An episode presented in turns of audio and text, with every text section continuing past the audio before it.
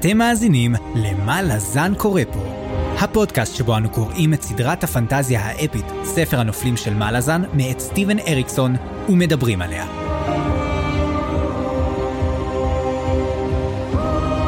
אני צפריר, ואני חיים. והיום פרק מספר 46, שבו אנחנו הולכים לדבר על הפרקים 5 ו-6, ונסיים את החלק הראשון, האל בעל אלף האצבעות, בספר ציידי עצמות, הספר השישי בסדרה. אוף, פרק של סיום אה, חלק, איזה כיף, אני מאוד אוהב פרקים כאלה. כן. אני חייב להגיד משהו שאני מאוד נהניתי מהפרקים אלו, סליחה שאני אומר את זה בניגוד לפרקים הקודמים. אני גם, לא, הם לא רק שהם היו לי מהנים בפני עצמם, הם גם שיפרו לי רטרואקטיבית את הפרקים הקודמים, שזה תמיד כיף שזה קורה. גם לך? כן, אבל אתה יודע, יש כזה מין הרגשה ב... לא יודע איך להגדיר את זה, אם זה ב... במה לזן שכתוב פתאום קורה משהו, נכון? פתאום קורה משהו ואתה לא, לא מבין למה, ו... ולמה זה קורה? זה נורא נורא מוזר לי ככה. לא, לי מוזר שמוזרים לך דברים. מה, באמת? יש דברים שאתה לא מבין? כן, אחד או שניים. אתה יודע מה צפריר? בוא, בוא תעשה לי קצת סדר. אני רוצה להיזכר קצת במה קרה לנו בפרקים הקודמים, ואז נגיע לפרקים האלה. יאללה, אז בפרקים הקודמים של מה לזן קורה פה. איזה כיף לעשות תקציר לפרקים שלא קורה בהם הרבה. כלומר, כן, אנשים זזים ממקום למקום ומדברים ומתקדמים בדרכים, אבל בוא נדבר דוגרי, לא קרה כאן הרבה, אה? אז מה כן קרה? בוא נתחיל עם אפסלר, שמקבלת רשימת חיסול מקוטיליון, אבל היא לא ממש הורגת. היא הולכת לראות מה קרה למברה, מוצאת מסמכים סודיים. אחר כך הולכת לבקר את אורקו קרטרון, אבל במקום מכות או אגרופים, יש לנו שיחה נחמדה על כוס תה, ושתי רוחות שמשתלטות על דינוזאורים. טוב, צריך לקרוא כדי להבין את זה באמת. גם קאטר הולך בדרכים עם שתי נשים, כהן מטורף ושד צפרדעי. אז הם מוצאים עוד מקדש דרקרוס, אבל כאילו זה משהו חדשני בזמן האחרון. ואז מגיע אביר בית המוות, ממלמל שרודף חסקינר, וזהו, כאילו, ככה נעלמו לנו 40 עמודים? וגם אנחנו רודפים אחרי דמויות משנה שמותחות את העלילה כל כך כל כך רחב, אבל נקדיש לכל אחד משפט וזהו. קרסה אורלונג רואה את שנשמה לבורג אותו. איזה גבר, קרסה. מפו ואיקריום, וואו, מצודה מעופפת, בוא נחקור אותה. טרה לקוויד, אני מסתורי ומגניב. אני גם עובד עבור ליידי ספייט ועוקב אחרי דג'ים נברל, אבל אנחנו לא יודעים עליך כלום. אה, ויש לנו גם מלחמה, איך שכחתי. מכל הסיפורים האלו לדמויות משנה שכחנו שיש גם מלחמה בין הצבא המלזני של תבורה כנגד ליאומן ושירית המרד. על אף שהמרד כבר ממש מתרסק, הצבא של תבורה מבין שהוא חייב להשמיד את ליאומן, אחרת הוא יפרק את עצמו מבפנים. ושניהם מתקרבים אל איגתן, שככל הנראה הקרב האחרון יתרחש שם. אז למה אנחנו לא מגיעים לשם? אה, הנה ליאומן הגיע ועושה שם צרות. יופי. אז אני מקווה שבפרקים הבאים תהיה יותר עלילה, ולא נשאל את עצמנו למה הלכנו לאיבוד ומה לזן קורה פה. אבל אני מבטיח שזה כן מה שנשאל צפריר. למה? ככה, למה ככה. אנחנו שואלים זאת הסדרה צפריר? זה, זה הפורמט, אלה חוקי הפורמט. אה. תשמע, אתה, אתה לא שם לב שכבר 46 פרקים אנחנו שואלים את עצמנו מה לזן קורה פה? לא עד כדי כך שאפילו נתנו שם לפודקאסט הזה כמה לזן קורה פה? אבל מה שיפה זה שנתנו את זה עוד לפני שבכלל התחלנו את הסדרה וידענו מה הולך לקרות, לפחות חלקנו. coincidence? I think not. אבל אתה יודע מה הכי משמח אותי? אנחנו יכולים עכשיו להתחיל מה? לחזור ולדבר על אפיגרפים. כי מתחילת הספר האפיגרפים לפחות לעומת הספר הקודם תקשיב אני לא יודע מה קרה לאריקסון. הם אה, ספר שלם אני לא הצלחתי להבין ולו אפיגרף אחד. אתה מדבר על החמישי. כן. זה בכוונה? זה התברר לנו בספר התשיעי, בספר התשיעי אתה פתאום מגיד, אה נכון, לא, זה אני- בגלל זה כנראה. תקשיב זה פגע לי בדימוי העצמי אני חמש יחידות בספרות אני אוהב את הדברים האלה אני אוהב לחקור אני אוהב שירה אני אוהב אני, אפ- אני אוהב שירה ווגונית כאילו יאללה תן לי קצת אני רוצה להבין דברים כאלה ואני לא הצלחתי להבין. אז בוא דבר איתי על האפיגרפים, כי אני אגיד את האמת, זה נחמד לי שאני קורא את זה, אני שומע קצת אומר וואלה מגניב, ואני נורא שוכח את זה מהר, אני לא מכניס את זה ל, ל, לתקצירים שלי. כן אבל אני אגיד לך אני לא לא אחפור עליהם כמו שעשינו בעונות הראשונות אבל אני כן אזכיר לא, פה. לא, לא, תחפור, תחפור, תחפור. לא לא לא יש לנו עוד אה, יש לנו פרק ארוך לפנינו אבל אה, ואתם עוד לא יודעים אנחנו מקליטים את זה אחרי פרק של קישור הזמן שם היה לנו פרק ארוך במיוחד אבל אה, אנחנו נדבר רגע על אפיגרף של פרק 5 אולי תשמח לשמוע, אולי שמת לב צפריר, אבל זה אפיגרף של דייקר.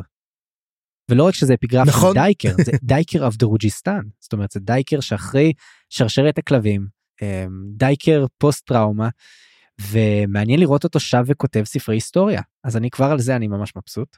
אבל גם מה שהוא מהמם. כותב, שם כל כך אור מעניין על כל מה שקורה עכשיו עם הצבא המלזני ועל תבורי בפרט. אני מאוד אוהב לראות את האפיגרפים שמראים לנו קצת הבלחה מהעתיד על איך האירועים של עכשיו משפיעים עליה ואני מאוד אוהב לראות איך באפיגרף הזה הוא מתאר את המלחמה באיגתן שהיא בעצם הראתה גם איך תבורה היא ברזל קר שזה פלשבק לספר השני גם וגם מצד שני זה מראה לנו רגע אני, אני אקרא את זה כי זה קטע מאוד יפה. This more than at any other time beforehand gave brutal truth to the conviction that adjunct Tavore was cold iron, thrust into the soul of a raging forge. זאת אומרת, מה שראינו עד עכשיו מתבורה הוא כלא כלום לעומת מה שהולך לקרות עכשיו באיגתן, ואנחנו שומעים את זה בפרקים האלה, כל הזמן מלמולים של אה, זה הולכת להיות פייל, זה הולך להיות כמו מה שקרה לדוז'ק, אולי, אולי זה מה שהולך לקרות לנו, אבל יש לנו בילדה פסיכי, ואני אוהב מאוד לראות איך זה מתחיל אה, לצבור תאוצה בפרקים האלה. אז מה אתה חשבת על זה? תשמע, הרי ידוע לנו שהיא כל דיירון אבל השאלה, איך דייקר יודע, זאת אומרת, אנחנו יודעים שדייקר הגיע, אבל זאת אומרת, כן, יותר נכון, אני מחכה שדייקר יופיע שוב. אבל מה יקרה פה בעצם בקרב באיגתן? זאת השאלה הגדולה. זאת באמת השאלה הגדולה. כי אתה יודע, זה שאומרים, ש... זה שאומרים שהיא ברזל קר, זה אומר שהיא תיתן קורבן כלשהו. השאלה מה היא תהיה מוכנה להקריב בשביל להשיג את המחיר. זאת אומרת, כנראה ליאומן לא ישרוד את הקרב. ליאומן ילך, אבל מה היא תקריב בשביל להשיג את זה? כאילו, זאת השאלה הגדולה. כמה חיילים שהיא תצטרך, נגיד את זה ככה. וואו. וגם מדברים על זה הקצינים, הם מדברים על זה שכל מפקד הוא מפקד טוב עד שהוא נאלץ להקריב חיילים, ואז באמת מבררים מי המפקד הטוב ומי המפקד הרע. ומי מי בנוי בשביל זה ומי לא בנוי לזה. ולדעתי זה מה שהולך לקרות. הולך להיות uh, מרחץ דמים. וואו. והאפיגרף של פרק 6, שנייה, אני פשוט מזכיר לעצמי רגע מה כתבתי עליו, שהוא בעיקר על מלחמת האלים, אבל כן, מדובר פה על איזשהו דימוי של קורי עכביש עם עכבישים, נכון? שכשמושכים ברשת, חלקם נופלים לכאן, חלקם נופלים לכאן.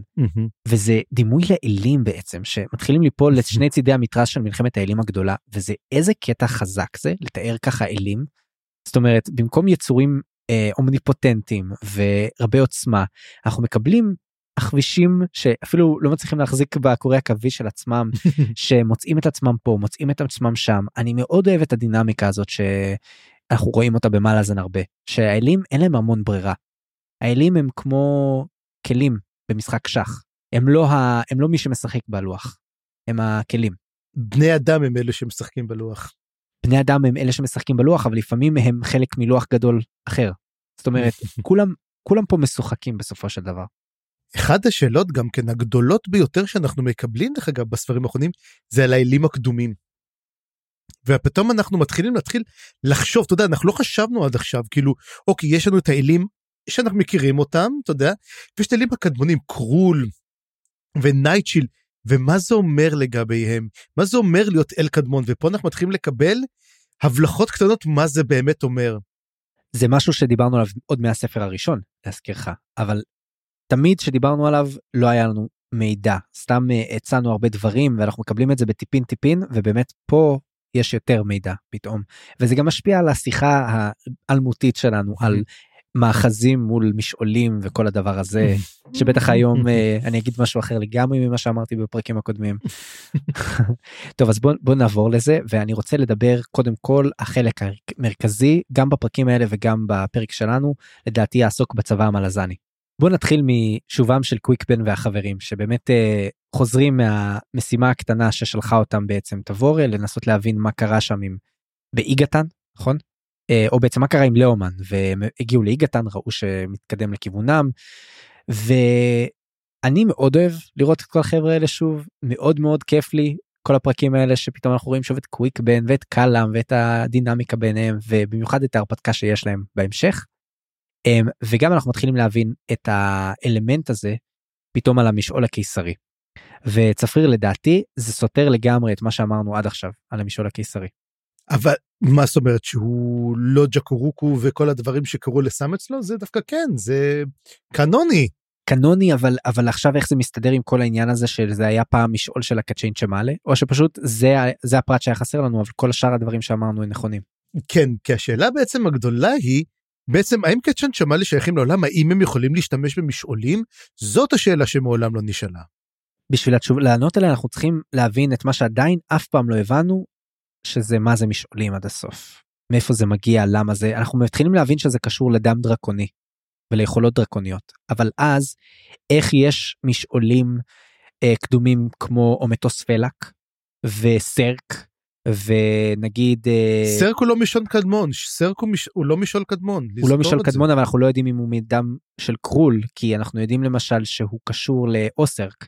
לא אז זהו זה מה שמדברים אוקיי זה הדבר שבאמת אני ישבתי ואני הקש- הקשבתי לו פעמיים וגם קראתי אותו בשביל להבין הרי הם מגיעים ומוצאים שם את הגופה של סורית. וזה אבל רגע זה בכלל הסיפור בכלל אני חושב קורה לנו עם אמ, איקריום ומאפו נכון מפה ועיקר. כן. שמוצאים את סורית שמדברים על זה וקצת נחתוך פה כי זה באמת עניין מאוד מאוד חשוב לדבר עליו. ואז הם מדברים על סרק כי סורית היא הייתה דרקונית של סרק.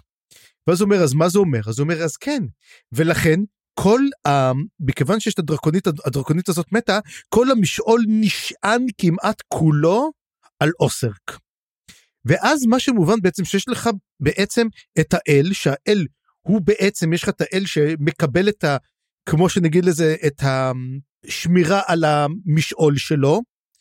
וגם כן הוא יכול לקבל דרקונים שהם בעצם כמו מתחזקים את המשעול הם דואגים שהוא יהיה קיים הם דואגים לו זה כמו מה שקרה למשל עם אוסריק הרי, הרי זנח את המשעול שלו. אנחנו זוכרים אותו הוא זנח את המשעול ומי שנשאר להגן עליו זה לוריק לוריק מגן על המשעול והוא שם שם את השד הזה ששמר שהלך כפות ועכשיו הוא צריך להביא את גרייפוג שאמור לשמור עליו שלא שומר עליו בכלל אלא עושה לי כל מיני רונדלים יחד עם עם, עם קאטר. אז פה השאלה הגדולה היא בעצם כאילו אתה יכול יש לך את הקרול פותח משעול המשעולים נפתחים אצלו בגוף הם הוורידים שלו אבל אז אתה צריך אבל מישהו חייב לקבל את זה מן את המשמורת השאלה מי זה. אני רוצה לומר משהו טיפה שונה יש נראה לי את העניין הזה של השמירה אבל יותר מזה יש את העניין של מאיפה המשעול מקבל את כוחו. אולי כמו סוג של הוא, הוא מקבל את הכוח מה, מהישות ששומרת עליו או משהו כזה אז כמו שלמשל מדם הדם הוא מאוד מאוד מרכזי פה ונדבר עוד על הדם אבל לדעתי הדם הוא בוודאי. מאוד חשוב כאילו יכול להיות שהדם הדרקוני הוא מה שמקנה למשעול את הכוח שלו הוא מה שממנו שואב המשעול את הכוח שלו ואז אם הדרקון הזה מת המשעול מאבד את כוחו. ואז נשאלת השאלה האם גם למשעולים הקדומים יש דם כזה שממנו הם שואבים נגיד אולי קורלד גליין למשל לוקח את זה מאם האפלה. או קורלד, אנחנו לא יודעים את זה. קורלד טירלן אולי מאוסרק אנחנו לא יודעים.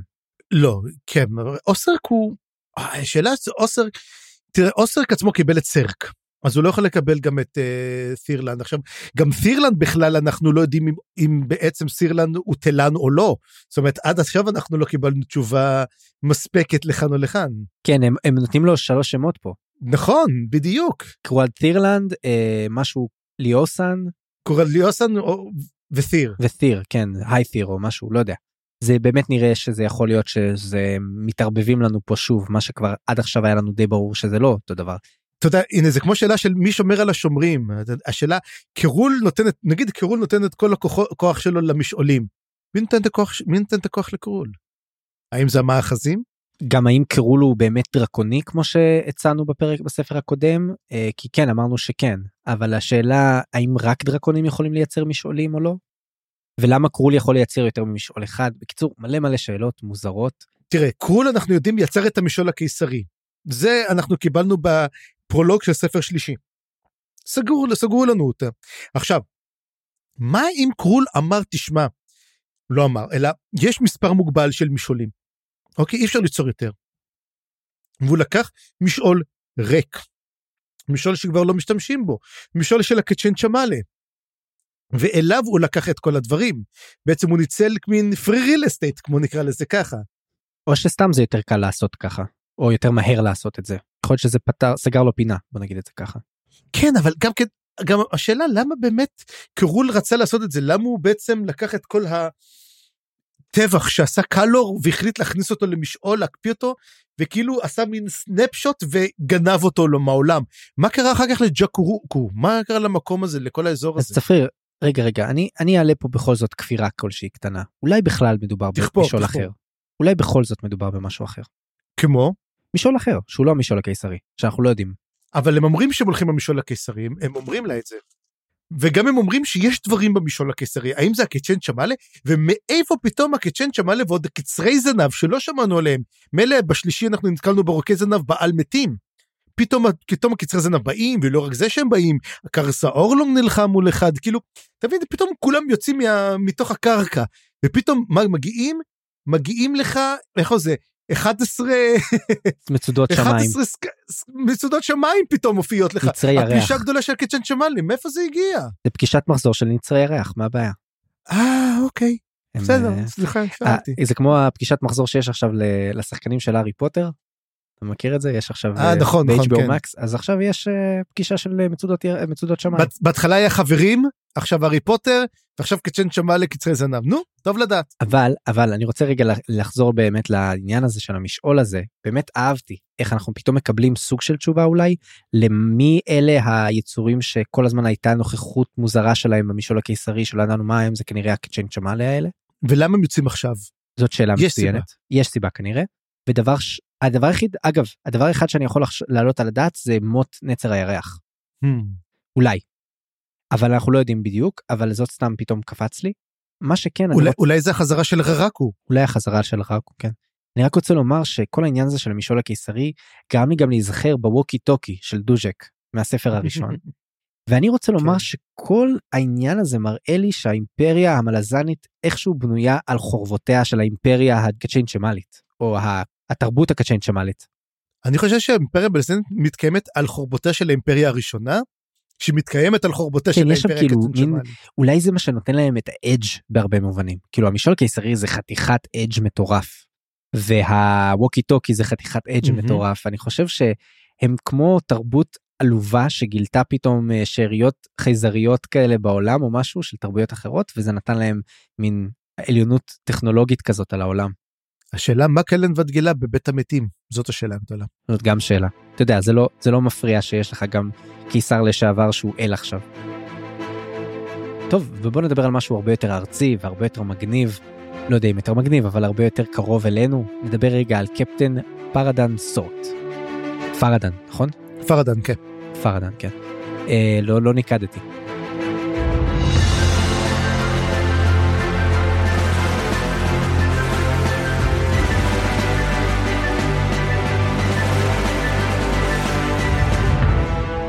זה היה ממש מגניב. אנחנו מקבלים בעצם את היחידה של פידלר שמקבלת אוי אוי אוי נעבך עוד פעם קצין או קצינה אה, מבחוץ ואנחנו יודעים שהצבא המלזני לא אוהב את הדברים האלה.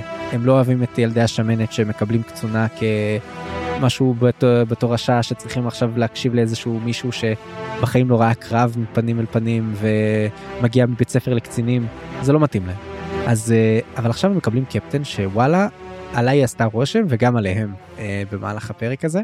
אה, דבר ראשון, יש לה כניסה מאוד דרמטית, אתה יודע, לא סתם נכנסת, היא דורכת בעקביה על הקרב מסוכן, והורגת ג'ויפול יוניון. ג'ויפל יוניון, הורגת ה. את הסוס המנצח בקרבות הגלדיאטורים של העקרבים של המלזנים, איזה כניסה דרמטית וישר גורמת לכולם לרצות להרוג אותה. וזה שהיא שורדת פה בינתיים, אני לא יודע מה יקרה בהמשך, אבל זה שהיא שורדת, זה מראה שהיא כנראה לא סתם, ובהמשך אנחנו מקבלים עליה גם את האלמנטים של העבר המסתורי שלה.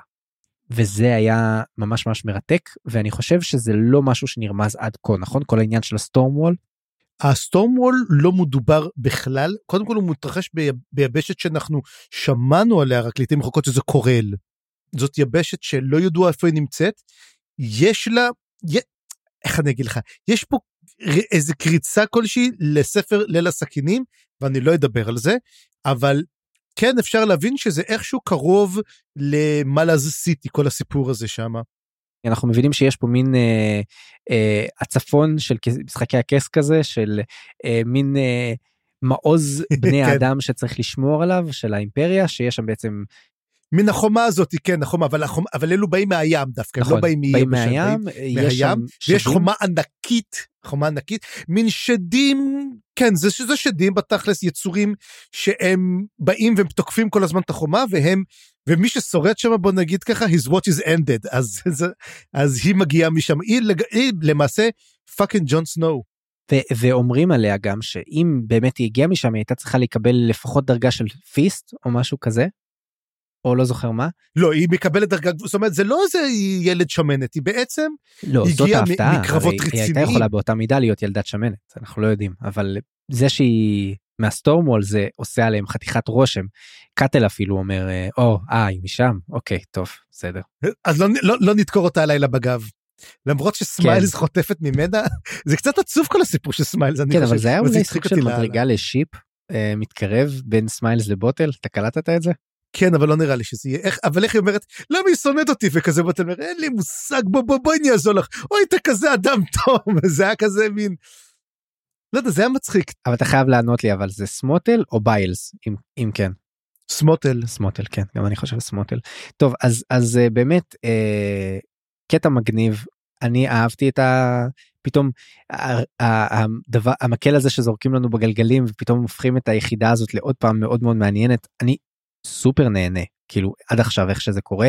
אני נהנה מאוד מהדמות של בוטל אני מאוד נהנה מהדמות של פידלר פה וכל העניינים האלה את העקיצות ואת העניינים פה גם בין בין אה, פידלר לקאטל זה גם מגניב. כאילו קאטל הוא סוג של אף אחד לא רוצה להתעסק איתו הוא נורא מסוכן. אפילו פידלר לוקח צעד אחורה כשהוא חושב שהוא הולך לה- להתפוצץ. הוא מין, הוא מין הדג' מוזר כזה, מין הדג' אבל מוזר. כן תראה, הוא, הוא למשל, מה, הוא עושה שם? הוא משחק, הוא עושה להטוטים עם cussers, נכון?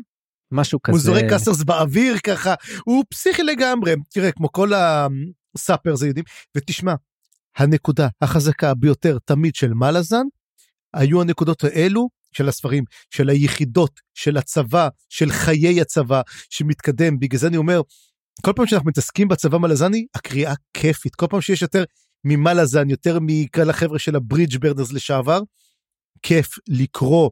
ברגע שאנחנו מגיעים קצת לדמויות משנה, הם, הסיפור מתחיל טיפ טיפה להתפזר לטעמי. אבל פה בפרקים האלה אני רוצה גם שנדבר אחר כך על הדמויות משנה כי לדעתי הם היו מצוינות אבל נדבר על זה נדבר על זה. אנחנו חייבים לדבר, אלא כן. אנחנו לא, לא, לא מצנזרים. אבל בוא בוא נזכיר עוד כמה נקודות קטנות פה בצבא היה גם את הקטע המוזר מאוד עם גרב אה, שגרב סוג של מתחיל להתנבא באוהל של קנב ואני לא הבנתי אם זה אמור להיות נבואות אמיתיות אם זה לא אמיתיות. היה לי לרגע שוב עוד פעם את המחשבה המטומטמת שזה קולטיין אבל זה לא קולטיין הם אפילו מטרפדים את הרעיון הזה במקום. אה, לא ברור לי מה קורה איתו משהו איתו מאוד מוזר אני אני אשמח להבין מה זה כי אחרת זה סתם איזשהו כלי עלילתי ואני לא חושב שזה קורה הרבה אצל אריקסון. אני, אני חושב שהוא מתנבא, מי הוא גרב בכלל? אנחנו לא יודעים מי הוא גרב. אבל אנחנו כן יודעים מי הוא הולך להיות, הוא הולך להיות ה-first sword. דרך אגב, שמת לב שאין first sword לצבא כרגע? זאת אומרת, מאז דסם אולטור התפקיד לא מאויש. יש סוג של adjunct שזה אולי מקבילה של ה first sword. לא, היה את ה-first sword והיה את ה adjunct. ה adjunct היא בעצם הנציגה של הקיסר או הקיסרית, כשהוא לא נמצא שם. מי שעכשיו היה adjunct לרוב זה היה דנסר. לרוב הוא היה adjunct, עשה, אם למשל קלנבד לא היה במקום אז דנסר היה שם. אבל יש את ראש הצבא. עם כל הכבוד, תבורי היא עכשיו ראש הצבא, אבל לורן מעולם לא הייתה ראש הצבא, לא התקרבה לצבא, אז um, מאוד מאוד מוזר העניין הזה. אבל um, גם כן מדברים מעבר לכך, יותר מאוחר שהם נמצאים איפה שהקבורה, הם נמצאים כביכול בקבר של uh, uh, דסה מול טור, הם אומרים כנראה הוא לא קבור שם, אנחנו יודעים שהוא לא קבור שם, הם אומרים יש גם מה שנקרא את החרב הראשונה, שהחרב הראשונה הייתה יחידת עילית של דסה מול טור, שגם כן חוסלה באיגתן. וגם כן, תשים לב שמעולם לא חזר, זה היה מין כמו פצע, כמו טראומה, שמכיוון שחיסלו להם, אנחנו לא נותנים לכם יותר כאילו מטרות לשים לנו על הגב.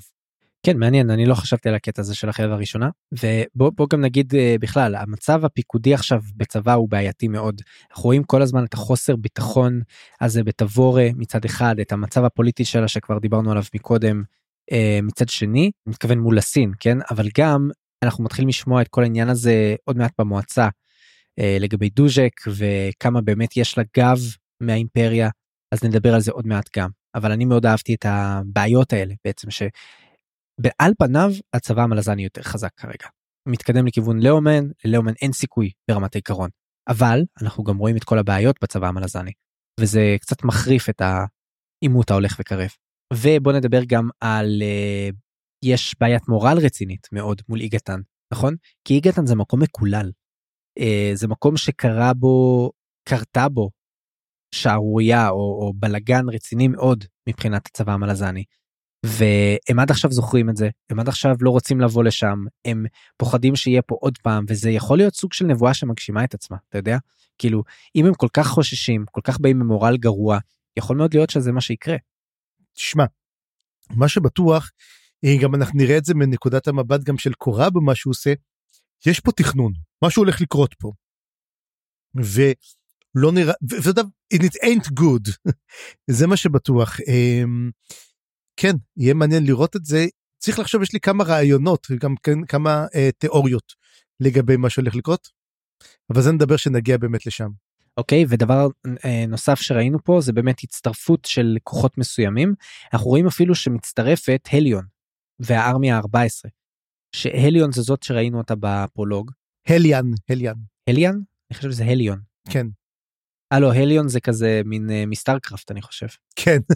זה היצורים הקטנים מסטארקראפט לא לא לא הליאן כן אז הליאן uh, מצטרפת אנחנו לא רואים אותה עדיין שם אבל מדברים עליה וכאילו זה והיא מביאה משהו מאוד מעניין היא מדברת על ש...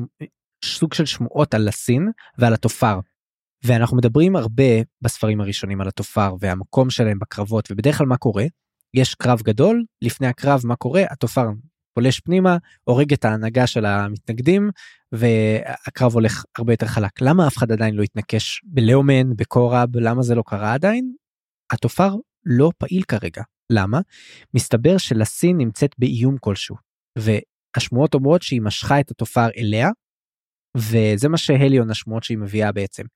ואני התחלתי להבין, רגע, רגע, רגע, יש פה איזשהו איום על הסין? איום על מלאזן עצמה? איום על הבירה? מה קורה? האם אלה ההדורים, צפריר? זה יכול להיות מעניין. השאלה עצמה, היא הייתה בעיר מלאז, זאת אומרת, היא לא הגיעה לאונטה. הם עצרו, קודם כל, היא הגיעה מקרטול, הם הגיעו לאי מלאז, מאי מלאז הם הפליגו לשבע ערים. היא לא עצרה, זאת אומרת, הם שמעו איזה משהו שם, אני לא יודע כמה אפשר להגיד את זה, אבל העדור, למה, אם ההדור התוקף הייתה קוראת לכולם להגיע.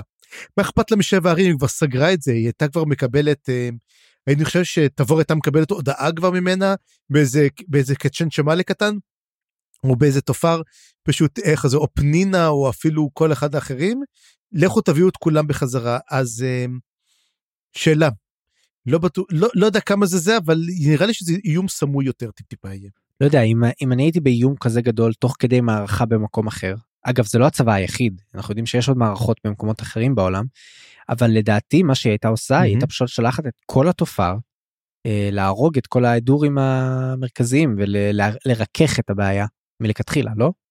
כן כנראה אולי עדיין לא יודעת על הבעיה שמה. אולי. או שיודעת לך תדע. טוב. לך תדע מה יודעת ומה אנחנו לא יודעים. אבל אבל אחלה אחלה תיאוריה מעניינת. קיצור אה, זאת הייתה תיאוריה קטנה שהייתה לי ודבר אחרון שהיה לי פה מאוד מאוד מעניין בפרקים האלה זה לא לא אחרון אבל אחד מהדברים המעניינים והמוזרים זה היה באמת הקטע של בוטל שהופך להיות פה דמות מרכזית ואני מת על זה אבל אנחנו רואים פתאום את הקטע הזה עם הארסל ההתגלות של הארסל לבוטל זה היה קטע מאוד מוזר. קודם כל אנחנו רואים ארסל אה, שמתגלה אליו כאילו היא רואה אותו מרחוק מאיזשהו חלום ואנחנו רואים שהיא אה, בהיריון ואנחנו מבינים תוך כדי לדעתי זה די ברור די ברור שזה אותה, אותה ארסל שנכנסה להיריון מטרל סנגר נכון? כן הוא גם אומר שיש לה שהילד הוא אדורי כן. אז uh, זה הילד הוא אדורי אז זה כמעט 100% והוא מדבר על זה ש... או היא מדברת על זה שהילד הזה נועד בשביל לתת תשובה או מענה לזוועות שקורות עם העם שלו ולדעתי מה שזה אומר זה אומר שהילד הזה מתייעד להחליף את רולד את קיסר הכאב ואמור לתפוס את מקומו בשליטה על ההדורים. מה שהגיוני גם למה הוא צריך להיות הבן של טרל כי כאילו משושלת המלוכה. כן זה באמת לא חשבתי על זה אה, לי כל הקטע הזה עם הארסל היה נורא מוזר לפי מה שאני הבנתי הארסל זימנה את בוטל כאילו היא גילתה שיש בו כוח. לא יודע דווקא למה את בוטל והוא כאילו צריך לשאוב את הילד או אותה לא הבנתי את מי הוא צריך לשאוב לעולם שלנו כי הרי מגיע מהעבר צריך לזכור. זו אותה ארסל שפגשו אותה בספר הרביעי שהם עברו דרך השער והיא אנסה את רל סנגר בתכלס. אז האם היא שואב רק אותה איתו? והבנתי שהיא עושה את זה כי זה הדור האחרון שלהם. וזה כאילו הארסל חייב להמשיך להתקיים וכדי שהוא לא בעצם ייכחד אז זאת בערך דרך ההתקדמות שלהם. לא הבנתי את זה שהוא הולך לרשת את הדורים אבל זה מעניין בעצם אבל כמו כל הדברים האלו זה מין נורא מוזר מאיפה הארסל מגיעה מה היא עושה את זה. זה מין כאילו פתאום הכל נפתח פה ואנחנו מנסים קצת אתה יודע לתפוס לתפוס מה קורה. כן אני רק אגיד שאני כן דווקא בוא נגיד זה יותר תיאוריה מה שאמרתי. זה לא זה פשוט ממה שנאמר שם שהזרע שלה אמור להיות כן אה, איכשהו מענה למשהו אה, נורא או מזעזע או, או מעוות שאמור לקרות או שקרה כבר. אז אה, זאת התיאוריה שלי אבל אני חושב גם שזה מאוד מעניין איך שתיארו פה את הארסל בפעם הראשונה. זה נראה שהם היו סוג של תרבות אוטופית כזאת ולא קיבלנו תיאור כזה עד כה, עד כה אם אני לא טועה. לא, לא דיברנו עליהם עדיין. אנחנו כן, הם כן נראים כמו קופים, זה כן, הוא כן אומר שהיא נראית כמו, איך הוא אומר, היא נראית כמו טלה נמאס אבל קופית. ככה הוא בעצם מתאר אותה. טוב אז אה, נחכה ונראה מה קורה עם זה אולי אה, אולי נקבל על זה יותר מידע בפרקים הבאים בכל מקרה נעבור למועצת תבורה. מועצת תבורה הייתה מאוד מעניינת היה לנו בעצם תוכניות קרב ואנחנו רואים שתבורי היא לא כל כך אה, עובדת עצות יש לה תוכניות היא יודעת מה היא אמורה לעשות היא לא מתכננת מצור ארוך למרות שהיא יכולה אולי. היא רוצה לפתור את הבעיה הרבה יותר מוקדם והיא מתכננת אה, בדרכים מסוימות להיכנס לתוך איגתן והדבר שהיה לי הכי מוזר. אה ועוד משהו היא אומרת גם אה, יש לה טענה כלפי דוג'ק שדוג'ק גם אם הוא יגיע אה, הצבא שלו שבור הוא שבור היא לא סומכת על הכוח שלו בכלל שזה מעניין. ומה שהיה הכי מעניין זה שלא ברור אם היא צודקת או לא או אם הדעה שלה היא הדעה היחידה פה כי כששואלים את זה את פידלר פידלר שותק הוא לא עונה כן או לא או שהוא הוא כן מסכים איתה אתה מה הבנת מהקטע הזה. הוא מסכים איתה. דוצ'ק שבור אין לו דרך אה, לצאת מכל זה הסיפור הזה אני לא נעים לי להגיד אבל אני חושב שדוצ'ק לא ישרוד את הקרב הזה. כי הוא מחפש למות הוא שרד את קורל וקשה לו מאוד הוא גם אמרו שהוא הזדקן מאוד הוא עכשיו נכנס לעוד קרב אם יהיה פה עוד מפלה אדירה באיגתן זה יהיה נוראי. כן יכול להיות שזה העניין אני פשוט קשה לי לקבל את זה שדוז'ק גמור אבל אולי אולי זה באמת לאן שאנחנו מתקדמים אולי אולי חיים לא יקבל כל מה שהוא רוצה. ועוד משהו היה מאוד מוזר איך שהיא מחליטה לשלוח את קוויקבן וקאלאם לאיזושהי side quest כאילו מה במיוחד ב, בלקראת קרב כל כך uh, גדול side quest מטורף נכון? uh, קצת מוזר אפילו לברר מה קורה במשעול הקיסרי ותשמע א' זה לחדור לתוך לחדור לתוך סקייקיפ זה נכון. זה כן לג, לברר מה זה ואולי אולי הם הולכים להשתמש בהם בקרב ואולי לא. אני לא היחיד שמרים פה גבה כולם פה מרימים גבה שואלים מה? איך יכול להיות שהיא שלחה את הקוסם הכי חזק שלה? fucking קוויקבן ואת קאלאם שהוא תופר אה, לא פרייר בפני עצמו. זה קצת מוזר אבל אני מאוד נהניתי מהקטע איתם אז בוא נדבר רגע על הקטע איתם בסדר? מעולה לך על זה. יש לנו בעצם את ה... אה, אנחנו די מהר מגיעים לטיפוס על מצודת אה, שמיים נכון זה כאילו די כזה קאט אה, קאלה מטפס על מצודת שמיים יש לו כן. חבל קסום שקוויקבן זימן אממה מתישהו מתחיל ליפול וכי הוא קולט שקוויקבן uh, כבר לא שם וכנראה שהחבל שלו כבר לא יכול uh, להחזיק מעמד בלעדיו. שמע זה היה קטע כל כך מוזר ועוד הוא מזמן את קוטיליון ותשמע זה היה קוטיליון הכי כיפי שהיה לנו עד עכשיו. תסכים איתי? אה, לא הייתי אומר הכי כיף אבל אתה יודע כאילו הוא מרוצה מאיפה שהוא נמצא. שמע הוא לא הוא כל כך ציני הוא כל כך משעשע הוא כל כך יש לו הומור שחור וכזה נורא נורא סרדוני ולא יודע אני מאוד מאוד אהבתי לקרוא אותו לדעתי הוא ממש עשוי טוב. בתור אל כזה לא מאוד מאוד אה, מבסוט על ה... כאילו הוא לא דוחף את, אה, את זה לפנים שלך אבל הוא בהחלט מנצל את זה מתי שהוא צריך איכשהו כזה יורד באלגנטיות דואל למטה בזמן שכולם נפלו ושברו אה, רגליים וידיים וכאלה. ויש להם גם את סטורמי שם שאנחנו כבר יודעים שהוא לא לא יצור נורמלי לא בן אדם נורמלי ממה שקרה לו ונכון לסטורמי יש את החרב של הטלה נמאס? כן. כן. בקיצור יש שם קטע מאוד מאוד מעניין מה שקורה שם ואני תוהה לעצמי איך יכול להיות שיש להם באמת צבא של קצ'ין שמאלה זה נראה זאת אומרת הוא אומר לקלאם אתה לא אל תיכנס פנימה יש שם קצ'ין שמאלה חיים. יש שם עשרות אלפים כן. מה הקטע של זה ומה זה המקדש הזה שהם באים אליו בסוף יש לך תשובות לדברים האלה? אין תשובות ב... תשמע החלק הזה נגמר ב cliff hanger ים על גבי cliff hanger ים על גבי cliff hanger ים וזה רק עוד אחד מהם. זה מתחיל ב cliff scaling ונגמר ב cliff hanger? כן לגמרי. כן טוב ובוא נדבר uh, בסוף על uh, הצד השני של המתרס. נעבור לצד של איגתן ונדבר קצת על קורב.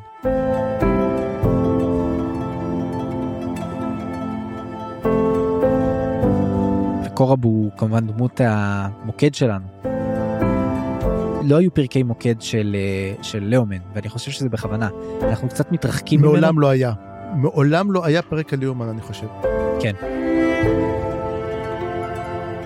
אולי בספר השני או הרביעי אבל אה, תמיד אנחנו רואים את ליאומן מהצד תמיד נותן לו איזה אווירת אה, מסתוריות. כן אנחנו רואים יותר ויותר על קורב לפחות שהוא די חדור מטרה הוא די חד אה, תמים דעים על זה שהמלזנים הם חארות ונורא קשה לו לקבל את זה שיש יכול, יכולים להיות מלזנים לא חארות. אבל בוא נדבר על המצב המאוד אוקוורד שהוא נמצא בו. אנחנו משתמשים בו קצת לקבל כמובן לור וקצת world uh, building אנחנו מקבלים את כל הסיפור הזה של מלאזן ואיגתן שהוא מודע לזה אז כנראה שהם הולכים להשתמש בזה. אנחנו מקבלים את הקשר של לאומן לאיגתן שזה לא ידענו עד כה נכון כל הזמן שאלנו מאיפה לאומן מאיפה לאומן כנראה שלאומן מאיגתן mm-hmm. ושהוא באמת גידלו אותו במקדשים האלה של האלה שם האלה המקורית שכחתי מה השם של זאת לא מלכת החלומות לא לא מלכת החלומות היא זאת שהחליפה את האלה המקורית של איגתן. Mm-hmm. וזה קצת כמובן מזכיר לנו את העלילה של הפרולוג לגבי uh, קרטול. אבל יש לנו פה mm-hmm. גם סוג של כזה מאבק פנימי על אלים ואלים מקוריים לעומת אלים לא מקוריים. מלכת החלומות היא עילה גנרית. היא עילה שמופיעה בהמון תרבויות. היא לא ספציפית למקומות ספציפיים ולכן עכשיו זה שהם איבדו בעצם את האלה המקורית והייחודית שלהם זה קצת מראה על ההידרדרות של ליגתן אבל גם על העבר שלה. אנחנו נדבר על זה כן? אבל זה העבר של לאומן גם. וכמובן יש לנו את ה, uh, הגלגל החמישי או ה-third wheel שזה הסיטואציה החדשה של לאומן מוצא את עצמו בה. יש לנו בעצם זוג יונים uh, לאומן ודן ספרו שיש ביניהם רומן עכשיו שהיא מתחילה להשפיע עליו לדעת לאומן מתחילה לעוות אותו להשחית אותו ול... וקורב מאוד מאוד לא מבסוט מהסיפור הזה ומצד שני הוא מאוד נאמן עד נמקי נשמתו ללאומן אז הוא נמצא ב... גם בתסבוכת פנימית עם זה אה, הוא לא יודע איך להתמודד עם העניין הזה מה חשבת על כל העניין הזה? קורב הוא מאוד מאוד מצחיק אותי כי הנקודת מבט שלו היא מאוד מאוד נאיבית. הוא כזה מסתכל והוא רואה את הכל כשחור לבן הוא נראה כמו מין הוא כמו קרסה אורלונג לפני שקרסה אורלונג אה, הפך להיות קצת התבגרות והוא מתחיל להתבגר אז הוא ככה מתחיל לדבר כן אבל איך הוא כזה ואתה יודע הוא מדבר בהמון המון אתה יודע שחור ולבן ואני חושב שזה מין משהו שאריקסון מאוד אוהב לעשות הוא נותן לנו דמויות שחושבות בשחור ולבן והוא נותן להם להפוך להיות מאוד מאוד פרגמטיות. ואני חושב שבעצם כל הסיפור פה זה התפכחות של קורב, כי הוא מתחיל לראות את זה ואומר רגע אז למה דן ספארו עושה ככה? וזה זה ישפיע על ליאומן אולי ליאומן לא אבל ליאומן הוא כן אתה יודע הוא מתחיל לקבל בעצם את הדבר הזה. והכי מצחיק הוא שהם באים אליו ואומרים לו תשמע למה אתה לובש קסדה? אתה יודע יש, הוא מצא את הקסדה שם ולוהטת ובלי כיסויים והוא לובש אותה בקיץ והוא מתחיל להזות והוא אומר רגע מי זה שתי הזקנות שהולכות שם אומרים לו טוב טוב טוב אוקיי אוקיי בוא בוא, בוא תוריד את הקסדה.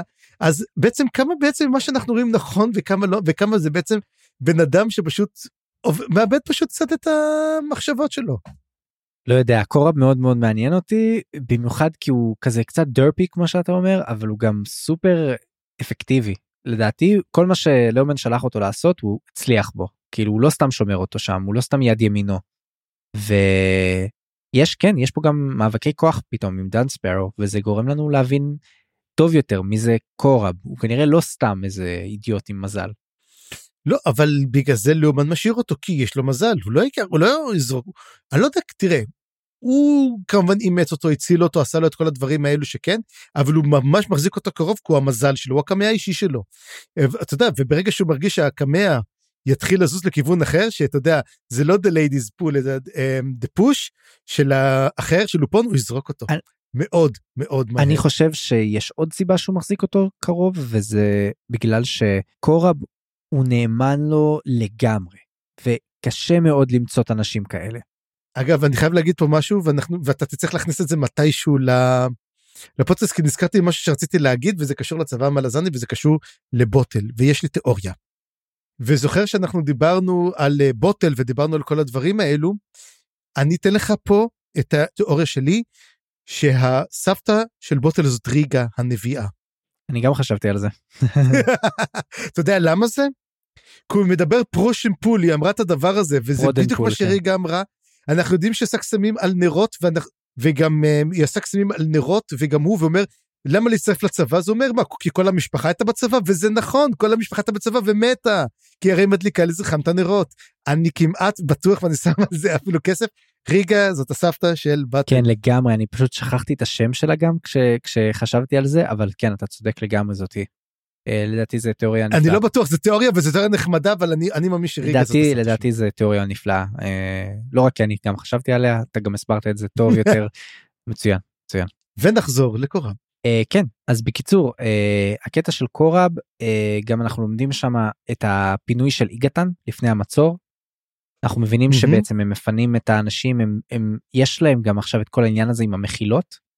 שמתחת לעיר אנחנו מקבלים את זה הרבה ודיברנו על מה יכולות להיות ההשלכות של זה בהמשך אולי זה הולך להיות מפתח באסטרטגיה של לאומן אבל גם יש לנו בעצם את ה... בעצם המהלך הסופי של לאומן של משהו מתכנן שאנחנו לא יודעים בדיוק מה זה אבל זה מתחיל לערב פה מקדשים וזה גם הופך את הסיפור למאוד מאוד מעניין. אתה יודע עוד מאז טרויה אה, מלחמת טרויה ש... כשאלים מתערבים במלחמות העניינים הופכים להיות הרבה יותר טוב. מעניינים וזה בדרך כלל מאוד מאוד הופך להיות לא טוב. אז uh, אולי זה מה שהולך לקרות פה אבל אנחנו רואים אותו בעצם הולך למקדש של מלכת החלומות ואז כשקורב אומר לו מה אנחנו הולכים לדבר עם הכהנת הגדולה הוא אומר לא לא לא אנחנו הולכים לדבר עם מלכת החלומות בכבודה ובעצמה. וואו זאת השאלה מה הם מתכננים כי זה למעשה מה שאנחנו מקבלים אגב יש שני דברים בעצם שאנחנו מקבלים עליהם את הידיעה על איגתן, באמת כמו שאמרת זה המנהרות. מה שמראה שאולי בעצם הוא מתכנן לעשות, את יודעת, מין לחמת גרילה כזה, הם נכנסים לעיר והם הולכים לצאת מכל, מכל החורים באדמה ולתקוף אותם. שזאת אופציה מאוד מאוד גדולה. אבל דבר אחר, שים לב שגם מפנה את כל העיר. כל העיר בעצם מפונה. אז מה בעצם, איזה מלחמה הם הולכים לעשות? באמת הוא שולח רק את הנשים ואת הילדים, או שהוא שולח את כולם? אני חושב הוא ישלח את כולם הוא ימלא את כל המחילות בחומרי נפץ. הצבא המלזני יצעד פנימה ופשוט יפוצץ את כולם קיבינימט. לא רק זה זה גם כן אחת המחשבות שלי כי מה בעצם ענף הייצוא הגדול ביותר של איגתן ואומרים את זה הרבה פעמים. חומר נפץ? ש- שמן זית. שמן... אה תקשיב זה מחזק לי את העניין מה זה איגתן? זה מדבר יהודה. איגתן זה מדבר יהודה ויש לנו פה בעצם את, ה, את היהודונים האלה שמתחילים ל... ל שהם אה, עם אה, כזה מה, מהמזרח שמתחילים להגן פה מ, מהאימפריה הרומית זה די ברור לא? יופי אתה משווה אותנו לשני, לשבע ערים רק אני רוצה לדעת. לא למרד בר כוכבא אני יודע משהו כזה. אה. וליאומן הוא בר כוכבא. ליאומן הוא בר כוכבא ברור. טוב רק צריך לרכב על אריה והכל יהיה בסדר. הוא כבר ליאו אז זה כבר משהו. Oh. Um, או, עכשיו, אז אתה יודע מה? זאת השאלה, האם באמת הצבא המלזני הולך להיכנס לשם ופשוט להתרסק? עכשיו תזכור שגם כן יש לנו רמז שזה קרה כבר בארליטן, שהם בנו את המקדש גבוה ופשוט המקדש כולו התרסק, זה המקום הגדול שנמצאים בו, זאת אומרת האם זה הולך לקרות ומה בעצם הדבר שלו זה מה שיקרה ועכשיו אני אגיד לך משהו הפרק הבא הרי שאנחנו הולכים לדבר על, על הפרק הבא של, שלנו הוא על פרק אחד פרק מספר 7 שהוא 150 עמודים. אני חושב שאנחנו הולכים לראות את הקרב. אני גם חשבתי על זה, כן. ולא רק זה, אלא וואו, תחשוב אם הולך לקרות פה הדבר הזה. ועכשיו השאלה על תבורי זאת השאלה הגדולה הזאתי. האם היא ברזל קר שהיא ידעה, על, שהיא תדע בעצם מה הולכים לעשות שם ותשלח בכל מקרה את החיילים שלה למות שם כדי להרוג את ליאומן ולא משנה מה, או שיקרה איזה אסון ואז היא תעשה נקמה פשוט לא נורמלית. כאילו, מה, מה הולך לקרות עכשיו בקרב הזה? כי תחשוב עכשיו, תחשוב עוד דבר אחד, איגתן, הרי מה הפחד הכי גדול של איגתן בפעם הקודמת? היא נשרפה הרי, תזכור, איגתן כבר נשרפה פעם קודמת עם דסה מול טור. האם היא הולכת לבעור שוב? האם שרפו אותה פעם שעברה בדיוק בדרך הזאת? מילאו את התעלות בשמן זית והציתו באש? וואו. או, או, או, יש עוד אופציה, היא תפתח את המשעול הקיסרי, הם ייכנסו לעיר אבל בעצם זה יהיה פתח של המשעול הקיסרי הם ייכנסו למשעול הקיסרי הם יהרגו את הקצ'יין שבאלי ייקחו את המצודות השמיים שלהם יעלו באוויר ואז השריפה לא תיגע בהם ואז הם בעצם ינחיתו עליהם מלמעלה איזה שהם חומרי נפץ של אה, קאסרים וכאלה וככה הם יהרגו אותם. אני מאוד מקווה שלא כי איך אתה יכול לחסל 20 אלף אתה יודע אתה יודע מעניין אותי מאוד לראות מה קורה עם הדבר הזה עם הקצ'יין שמאלי האלו. מה הבעיה יש לך שם קוויקבן כבר. מה עוד אתה צריך? נכון, אה, מה עוד צריך? תביא לי קוויק בן אחד מול כולם, מה אני צריך את זה, כן. יש לך קוויק בן, יש לך קוטיליון, יש לך סטורמי עם חרב של פאקינג טלה נמאס, יאללה, לך על זה. נכון. אה, וקלאם, קלאם, אסור לשכוח את קלאם. כדאי, קלאם פאדי. ועכשיו פתאום יגיע פתאום האח שלו גם כן, ואבא שלו, מי שזה יהיה גם כן, ונראה מה קורה איתו. טוב אה, צפריר אני אני חושב שדיברנו מספיק על המלחמה של המלזנים. כן אבל זה היה מעניין זה מעניין היה. זה היה מאוד מעניין אבל אתה יודע מה? עכשיו אנחנו מגיעים לקטעים הפחות מעניינים אז אולי אתה תדבר עליהם סתם. אבל אבל אבל אני אגיד לך את האמת אלה אלה היו החלקים המעניינים מאוד שהפתיעו אותי בפרקים האלה אז אני אשמח לשמוע גם מה אתה חשבת עליהם. אז יאללה קח אותם. אז זהו אני אני אגיד לך דבר אחד אני אמרתי תמיד החלק החזק הוא המלחמות הצבאות ובאמת הצבא מלזני זה שהוא מרחיב את הלילה למקומות אחרים זה מצוין אבל לפעמים זה לא עושה לו חסד אבל בוא באמת נתחיל לדבר על אני רואה עכשיו בכתב אתה הרגת אותי ואנחנו נתחיל לדבר על הפגישה המפתיעה במשעולים מה שנקרא על אפסלר.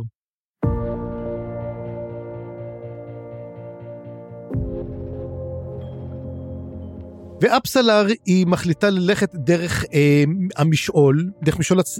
איזה משעול היא פותחת? משעול הצללים? איזה משעול היא פותחת? הצללים, הצללים. הצללים? היא, היא מתחילה, היא רוצה ללכת בעצם לחצות את הים, את ים ארליטן. זה, הם, הייתי צריך לפתוח את המפה, יש ים, לא הים הצפוני מארליטן, שזה ים אוטטרל, הים הדרומי.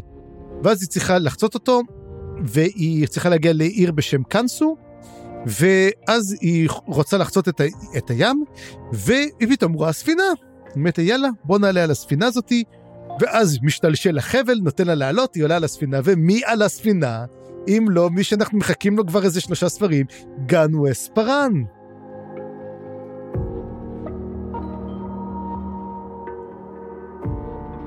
וכזה מין ייי גנואס פארן מגיע ואתה כבר עשיתם להם shipping כאילו יש מישהו שאתה לא עושה לו שיפינג לא אני חייב אני חייב כל מי שיש אופציה אני כבר אעשה לו ship כי אני ממש כן, אוהב להמציא הוא, את השמות האלה. אז הוא אומר פה אפסלר וגנואס אז אפסנואס או גנלר גנלר. כן אני אני כנראה לא כנראה גנלר. כן. אפסנואס קשה, קשה לבטא את אפסנואס נשמע כמו איזה או מחלה או איזה משהו יווני. לא אבל גנלר. זה עדיף מ... גם גנלר נשמע כמו מחלה. זה עדיף מאפסיליון או, או קוטאפסלר? אפסילון. עדיף, עדיף. אוקיי. בכל מקרה, עדיף, תקשיב, עדיף. תקשיב, אה, אה, אני קפצתי מאושר כש, כשקרה הדבר הזה. כן. אני באמת, באמת כבר התכוננתי לא לראות את, את פארן כל הספר הזה. כי אמרתי, יאללה, עד, עד שנחזור לגנאבאקיס לא נראה אותו, אבל איזה גנאבאקיס? לבן אדם הזה אין כבר שום דבר שמחזיק אותו. הוא fucking נשגב כנראה, נכון? אה, מדברת על זה, באמת, תגיד לי, אתה נשגב ממנה, אין לי מושג, אני מרגיש אותו דבר, אין לי הבדל פה משהו. spoken like a true ascendant. אבל אומרת לו, כן, only an ascendant will deal with absolutes, אבל לא. היא אומרת לו שבעצם המחשבה שלך משתנה. זה לא שאתה מרגיש שונה, אבל הדרך שבה אתה מביט על העולם היא מתחילה להשתנות. שזה מאוד מאוד מאוד מעניין ומאוד מאוד אהבתי את זה. אגב, גם בהתחלה שיש איזו ספינה והיא לא יודעת מי זה, והיא עולה על הסיפון, אתה יודע, ויש איזה גבר צעיר, אמרתי מי זה יכול להיות, מי זה יכול להיות, וזה באמת, ואז אומרים גנואס, וזה כזה ייי, זה היה קטע מאוד כיפי. אבל תשמע, לא, גם זה, זה גרם לי לחשוב, אולי גנואס הוא הזה מהפרולוג? ההוא שמגיע לקרטול? שחוקר את המקדש. אני חושב שעלית על נכון? משהו. וואו, וואו, זה הוא הרי ענק. חוקר, הוא הרי חוקר מקדשים, הוא חוקר מה קורה עם האלים, הוא בדיוק מבין מה נעשה. הוא מזכיר פה את פוליאל שהוא הולך להבין מה קרה איתה. פוליאל עוד חוזרת אלינו דרך אגב, היא תחזור אלינו כן, עוד. ואנחנו יודעים שפוליאל היא עברה לצד של האל הנכה.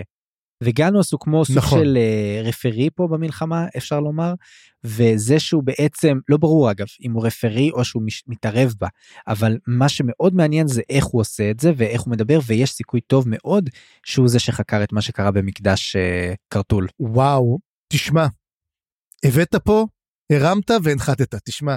אני הולך עם התיאוריה שלך כי זה גאוני וזה נורא נורא טוב. וזה רק מראה שיש סיכוי שפוליאלי גרמה לכל מה שקורה, היא בעצם מחסלת את כל מקדשי דרק.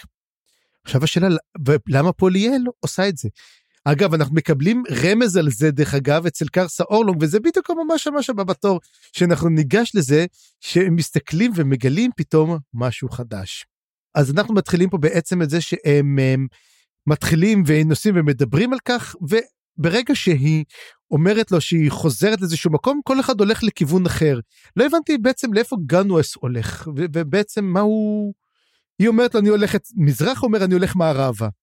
אני גם לא הבנתי, אני להפך, קיוויתי נכון? שאתה תסביר לי את הדבר הזה אבל אה, כל, הם הולכים לכיוונים נפרדים, הם הולכים לקאנסו, הם הולכים לכיוונים נפרדים. הם, השאלה לאיפה כל אחד מהם הולך. אגב, אם הם הולכים מזרחה, מזרחה משמה, זה מין להגיע לים האוטוטרן, זה להגיע ל, ל, ל, לענקי הברקת. אז אני חושב שגנוס אולי הולך לענקי הברקת, או למשהו אחר, זאת שאלה טובה, ולאיפה אפסלר הולכת זה anyone can know. אם הוא הולך לענקי הברקת אולי הוא צריך לצפות במה שקורה שם עם מבוריק או הולך לקרות שם עם מבוריק. כי אגב כי האם זה האם תגיד לי האם הוא יגיע לשם ואנחנו יודעים שעכשיו אה, הרי אה, עכשיו ה mortal sword נכון? או ה destriant או ה destriant נכון? destriant destriant. של טריץ' האם הוא ייגע בזה האם טריץ' ייפול כמו פנר? או שאלה אחרת האם הוא יקבל מקום אחר או האם זה ישנה את התפקיד של פנר או את המקום של פנר או האם זה יעביר אותו לצד של האל הנכה או האם זה יפיל את האל הנכה או משהו כזה. אני חושב שיהיה פה. מאורע ענקי שגנואס חייב לצפות בו אה, לדווח עליו או, או להיות עד אליו. אה, אבל כן אני גם אני גם לא הבנתי מה לאיפה הם עכשיו מתפצלים. טוב זה מין היה קטע קטן וזה טוב שהוא היה קטן הוא היה ממש במקום כיף את גנואס גנואס נמצא איפה שדברים מעניינים מתרחשים אז כאילו אני מצפה שיהיה עוד יותר גנואס גם לראות מה קורה איתו גם כן הייתי רוצה לשמוע גם כן את ההסבר שלו למה הוא קיבל בעצם את הבית הצ- בית השלשלאות כבית רשמי. כן וגם מאוד מעניין דווקא כשהוא אומר את זה אפסלר מאוד מאוד מגיבה לזה בצורה אה אוקיי כן אני מבינה למה עשית את זה. כאילו אוקיי בואו בוא, תסבירו. אבל גם זה מאוד מאוד יפה איך שמצד אחד הוא הרגיש לי בדיוק כמו גנו אספרן כאילו הוא מרגיש כאילו בדיוק זה זה המשך של הספר השלישי אבל מצד שני זה גם הרגיש שהוא עבר מלא בדרך כאילו שזה כבר מישהו אחר שהוא יותר מנוסה ושהוא יותר אני מאוד אוהב את זה אני מאוד אשמח לדעת מה קרה שם באמצע אבל גם אם לא אני אשמח לראות עוד מגנו אספרן. ואני אגיד רק נקודה הערה אחרונה על הקטע הזה הקטע של קרדל וטלורס שהם עכשיו קצ'יין שמלים אה, סליחה אה, אה, דינוזאורים אמרנו קטנים. אני מתחיל לחשוב שדינוזאורים כן. זה קצ'יין שמלים ואני אגיד על זה בהמשך כשנדבר על נתיחת הגופה אה, אצל קרסה. כן ומשהו מאוד אה, מעניין גם כן זה שהן מאוד מאוד עתיקות. אנחנו מגלים שהן יודעות המון המון דברים עתיקים. ונראה שהם אתה יודע כל מי שנמצא באותה ממלכת אה, הצללים זה אנשים שניסו להשתלט על הממלכה לא הצליחו וחטפו עונש ונתקעו שם זה כנראה גם אדג' ווקר וזה כנראה הוא די אומר שזה מה שקרה לו. זה אותם דרקונים שניסו הרי להשתלט ולא הצליחו וזה גם כן קרדל וטלורס שאני בטוח שיש להם גם שמות אחרים ושמות חוץ מזה האם אנחנו יודעים איך נשמעים שמות של קצ'ן צ'מאלה? לא אין לנו מושג אנחנו פשוט לא יודעים וזה הרגע שלי לשתות משהו באמת. מה שכן מגניב שמדברים עליהם אומרים שהגופים שהם נמצאים בהם משפיעים על האישיות שלהם.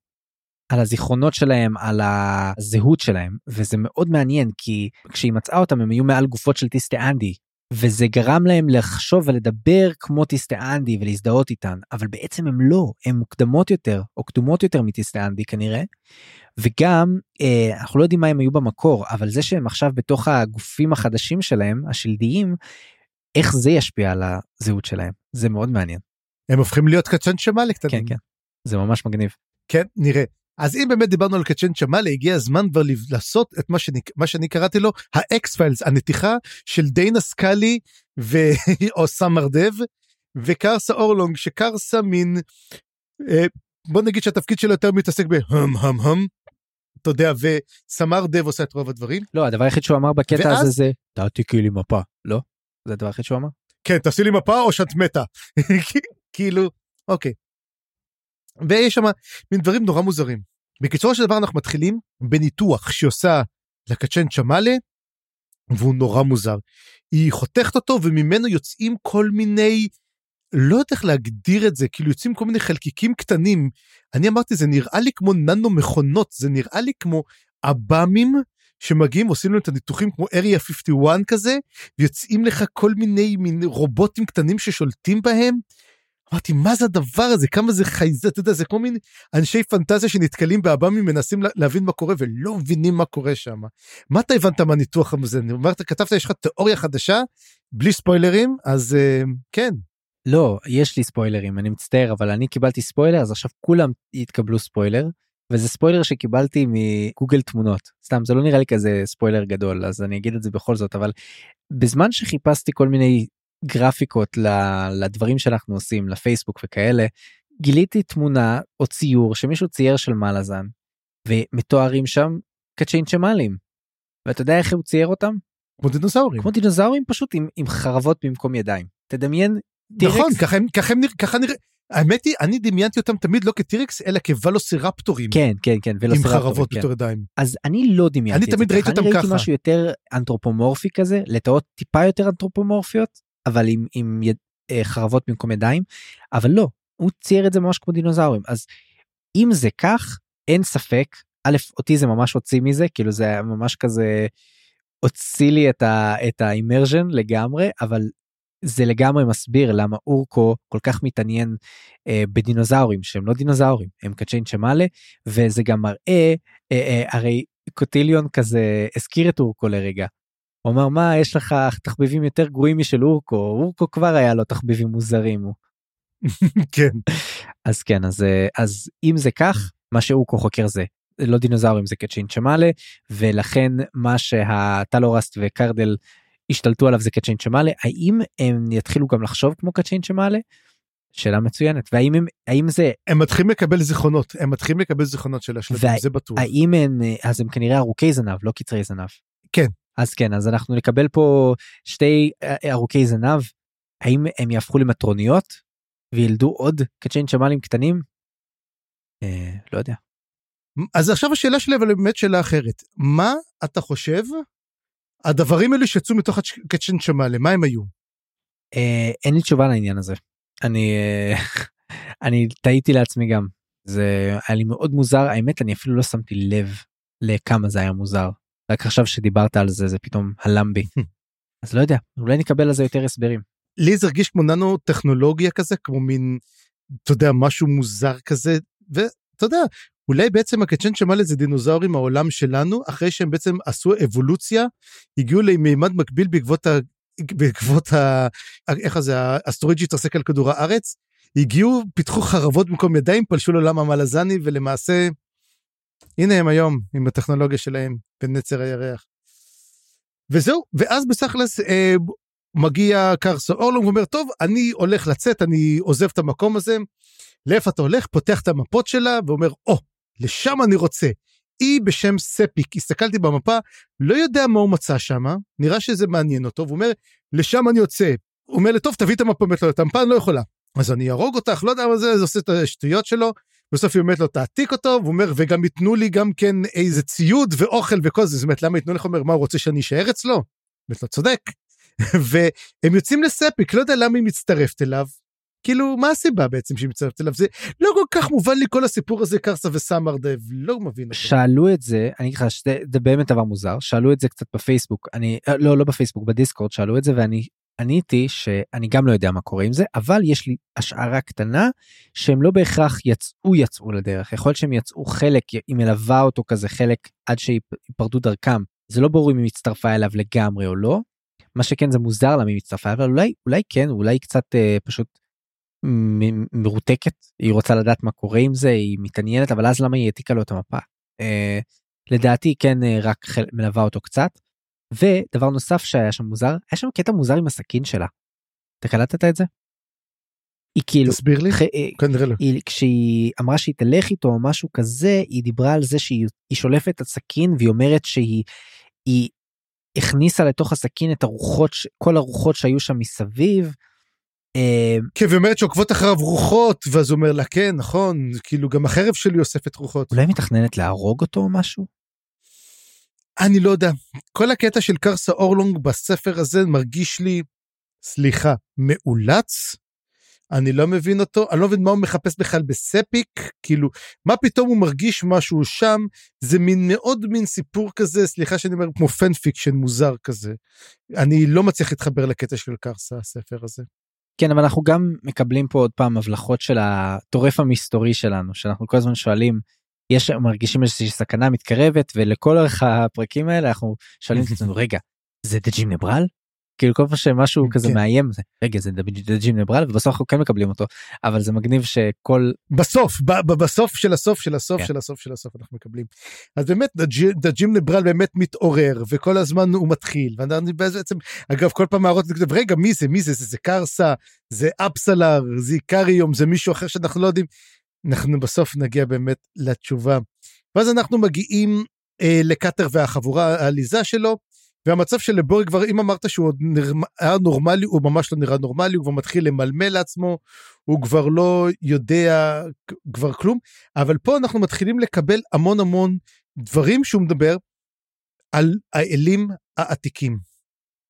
וזה הדבר אולי בעצם מין כמו מסלקת מידע כזה יש לך את בורי שנותן לך מסלקת מידע ואז הוא בעצם אה, מדבר מי הוא האל הנכה ומתברר לפי הבנתי תגיד לי אם זה נכון מה שהבנת או לא שהאל הנכה הוא אל קדמון.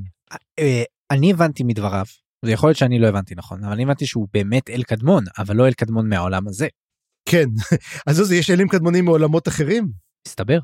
האל הנכה הוא גם כן אל קדמון הוא מגיע לא, מעולם הזה- אחר משהו כזה כן כן. יופי. לא אבל כן.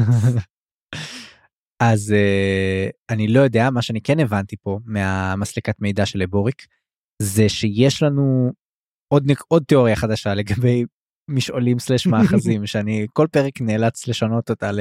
אתה יודע בסוף אני מתישהו אה, אה, זה לא לשנות זה להשחיז בסופו של דבר יצא גם כן הספר. לא אני אסתכל אני אסתכל על זה במבט לאחור ואני אגיד וואי איזה שטויות דיברתי כל פרק מחדש אני מקווה שאני לא מלאה פה אף אחד בתיאוריות שלי אבל אני מתחיל לחשוב שההבדל היחיד בין אלי המאחזים ולאלי המשעולים או אלי החפיסות זה שאלי המאחזים שעברו אדפטציה כלשהי נכנסו לחפיסה והם הפכו לפנתיאון החדש. אני לא אומר שאין אלים חדשים אבל אני אומר שבגלל יש הרי חפ, חפיפה כלשהי בין אלי, ה- בין המאחזים למשעולים נכון יש אלים שמופיעים גם פה וגם פה יש קלפים שהם גם עריכים מהמם. לדעתי זה פשוט סדר חדש שנכפה על העולם איזשהו פנתיאון חדש ש- שקם ובאמת הייתה אופציה לאלים או לעריכים מסוימים לעבור לחפיסה החדשה לקבל שדרוג אתה אומר. לקבל שדרוג או, או שון, שינוי מסוים התמרה מסוימת וזה למה חלק הם חופפים וחלק קיימים רק פה וחלק קיימים רק פה. אה, וזאת זה מה שהבנתי קצת מהדברים של לבוריק. כן זה זה זה שאלה טובה אצ- אצלי תמיד המאחזים תמיד מרגיש לי קסם יותר עתיק. קסם יותר ישן האלים החדשים הם לא מקבלים את חלק מהקסם הישן הם מקבלים אתה יודע הם נכנסים כבר לפנתיאון אבל תזכור שהפנתיאון לא נמצא בכל מקום הוא גם לא היה בלת'ר עובדה שגם כן משמר הארגמן נתקע שם כי לא היה לו שום גישה למשעולים. מה שמעניין מה מה מנע את הגישה הזאת הבנתי שזה הקסם של האומטוספלק שפשוט מנע תבין אז האומטוספלק מסוגל להקפיא את הזמן ומסוגל להקפיא גם את השימוש במשעולים. אבל תקשיב רגע. זה, זאת נקודה חשובה. אתה מדבר שהמאחזים זה קסם עתיק. אז מה זה אומטוס פלק? אומטוס פלק זה משעול, זה לא מאחז. אנחנו באמת שמענו שזה באמת נחשב לוורן או שזה לוורן עתיק? איך זה אלדר וורן, מתייחסים? אלדר וורן. אז אז elder warren יכול אז שמע אם יכול להיות שה warrens הקיימים הם נמצאים אצל קרול אבל יש עוד אל עתיק יותר שבו נמצאים גם כן ה elder warrens. הכל יכול להיות אבל אבל השאלה באמת מה הקשר בין זה למאחזים עכשיו אז אני אני אומר אני לא בטוח שעתיקות או יושן זה מה שקובע לדעתי לא. לדעתי יש פה אלמנט אחר וייתכן מאוד שהם גרסה פרימיטיביסקי כן אה, גרסה יותר מוקדמת במובן מסוים או פחות. מפותחת. ואז באים מעליה ומפתחים אותה לכיוון המשעולים. אבל זה גם קצת מוזר. בקיצור אבל מה אם זה מה אם זה הפוך מה שאנחנו חושבים? מה אם אלים רגילים יכולים להיכנס אתה יודע למשעולים ולכל החפיסות קלפים אבל ככל שהם מתקדמים והופכים להיות אתה יודע יותר קווי יסוד יותר מהותיים לעולם כחלק מכוחות טבע הם מקבלים את, את המאחזים. אולי אולי אולי ובסופו של דבר מתברר שאלו שני קסמים פשוט שתי דרכים להסתכל על אותו דבר הם מסתכלים על ערכים כי הם מסתכלים יותר על יסודות הם מסתכלים על תפקידים אבל זה למעשה אותו דבר פשוט רק two, di- two sides of, of the same coin. כן יכול להיות יכול להיות אני חושב שדיברנו פעם מתישהו על תיאוריה גם כזאת אבל לך תדע לך תדע הכל כבר מתבלבל אצלי בראש.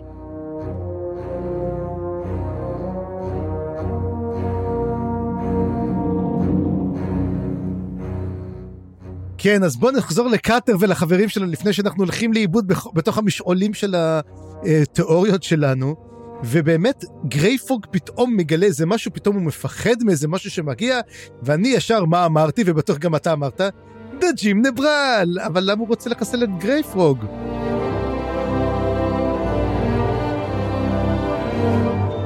אבל אז אמרתי אולי הוא בא לחסל את הבוריק. ואז אתה מבין, וואלה, זה יכול להיות, הבורק מחזיק הרי את סוף העולם בכף ידו גם. גם כן אמרו שהבורק הולך להביא את סוף העולם, נכון? הרבה פעמים אומרים את זה. אני לא יודע אני חשבתי שהוא קיבל את הידיים של טריץ' לא את הכפפה של הלבוי. מסתבר שהוא קיבל את הכפפה של מי הלבוי. שראה את הלבוי. כן, מי, עזוב רעה אתה קראת את הקומיקס? לא. אז, לא אז זו פעם ראשונה שאני ל- יכול להגיד צפריר. בושה כן. לך תקרא את הקומיקס. מאיפה אני אתחיל? זה, זה 80 אלף כרכים. לא. תתן מאיפה יש? ארבעה של, העיקרי שאתה יכול לקרוא זה ארבעה כרכים של אה, שפשוט אוג- ארבעה אוגדנים לא ארוכים במיוחד. יאללה, אני אלך למצוא אותם. בכיף. טוב, נו, עכשיו אה, אני יודע מה אני הולך לעשות אה, בשבוע הבא. אז אנחנו נגיעים עכשיו חבר'ה, היי, לחלק האחרון ולאחרונים שאלו מפו ואיקריום. ופה משהו מעניין, חיים כותב משהו שמאוד מאוד מעניין לי, שהוא אומר, חיים מתחיל להתעניין, קודם כל הוא מדבר לעצמו בגוף שלישי שזה מגניב, אז אני אגיד את זה. חיים מתחיל להתעניין בהם יותר ויותר, כמו בטמן ורובין, מה זה אומר? אני לא פשוט התחלתי להבין שמאפה ואיקריום פה הם כמו דואו של דטקטיבס כאלה. הם, הם חוקרים תעלומות. בטמן ורובין זה אחלה סטריאוטיפים שעובדים עליהם כאילו מה פה אולי אה, אומנם אה, רובין קצת גדול ובטמן הוא קצת אה, יש לו פה בעיות זיכרון עם אמנזיה, אמנזיה, כן. אבל עדיין זה זה זה פשוט הרבה יותר מעניין לקרוא אותם ככה כשהם חוקרים תעלומה ולא סתם אה, מסתובבים בחוסר מעש במדבר. עכשיו אני שאני חושב על זה היה כבר את האלמנטים האלה של החקירה.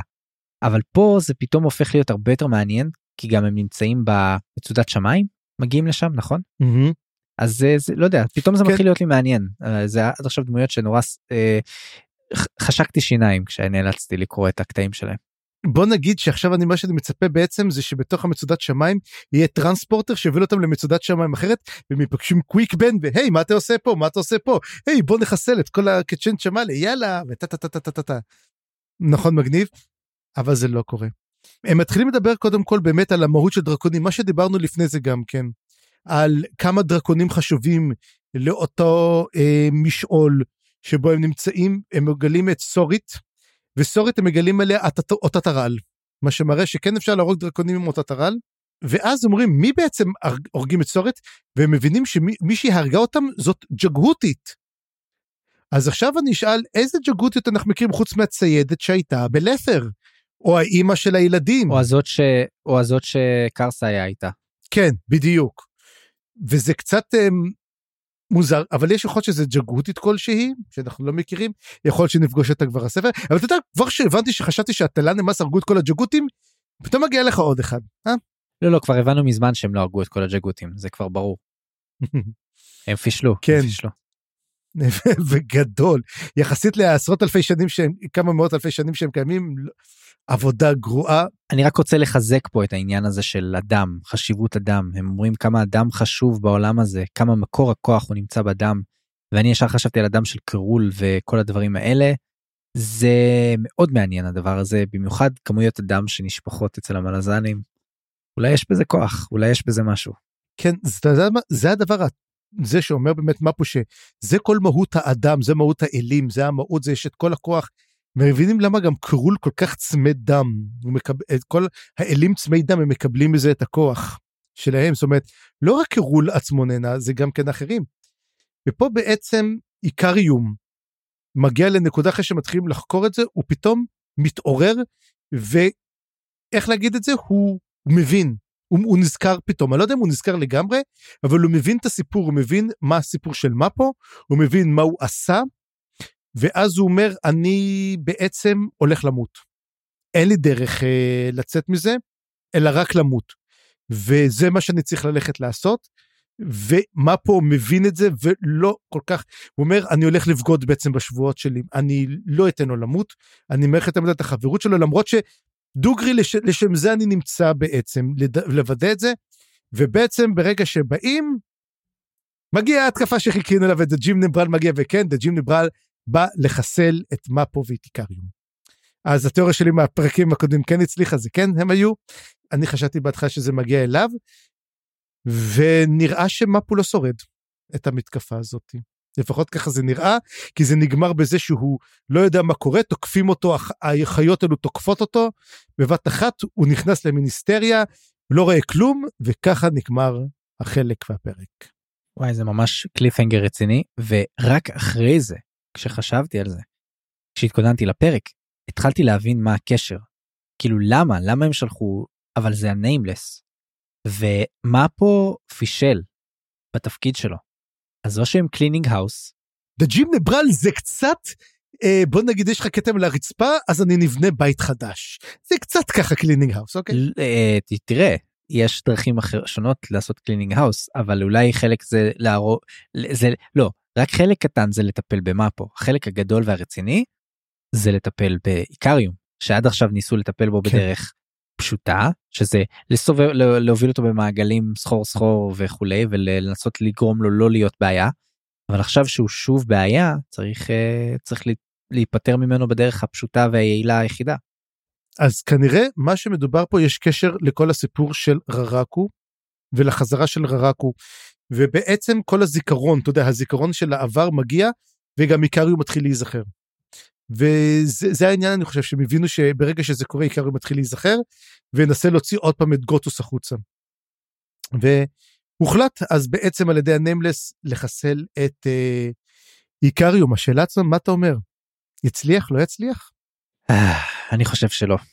אני חושב שאיקריום יהרוג את הג'ים. ומה פה ישרוד או לא ישרוד. כנראה שלא. אולי הטראומה של מפו של עיבוד מפו תעורר לגמרי את אה, את איקריום. אז בוא נקווה שמאפו ישרוד. ועדיין יש לנו כמה דברים שמעניינים אחרים קודם כל מה הפחיד את גרייפרוג מה מה אתה חושב שזה היה אה, לא יודע. מה, מי, מי ניסה לטרוף את קרסה ואת סמר דב תגיד זה אתה אתה הולך עכשיו לשאול מלא שאלות שהתשובה של עליהם היא מראש אני לא יודע זה נראה לי מה שהולך לקרות. אתה לא שותה אתה לא שותה מספיק אתה נראה מיובש תראה, שזה זו הסיבה. כל מה שידעתי בפרק הזה אמרתי כבר. אבל אני אשאל אותך שאלה. כן. מה חשבת על כל החלק הראשון? בוא נסכם אותו קצת. בוא נסכם אותו. אני חושב שהוא אמ, איך אני אגיד את זה? הוא שנוי במחלוקת. זאת אומרת יש לו חלקים מעניינים יותר יש לו חלקים מעניינים פחות יש לו חלקים שכיף יותר לקרוא. אני חושב שהסיפור קצת מתחיל בגלל ה... איך להגיד את זה? אריקסון פתח לנו כל כך הרבה איך נגיד את זה ליינס של סיפור שהוא כבר לא מצליח לעקוב אחרי זה. עדיף היה לספר אם היינו מתמקדים יותר קצת ב... אצל תבורה תן לי עוד קצת אולי קאטר ואפסלר זהו.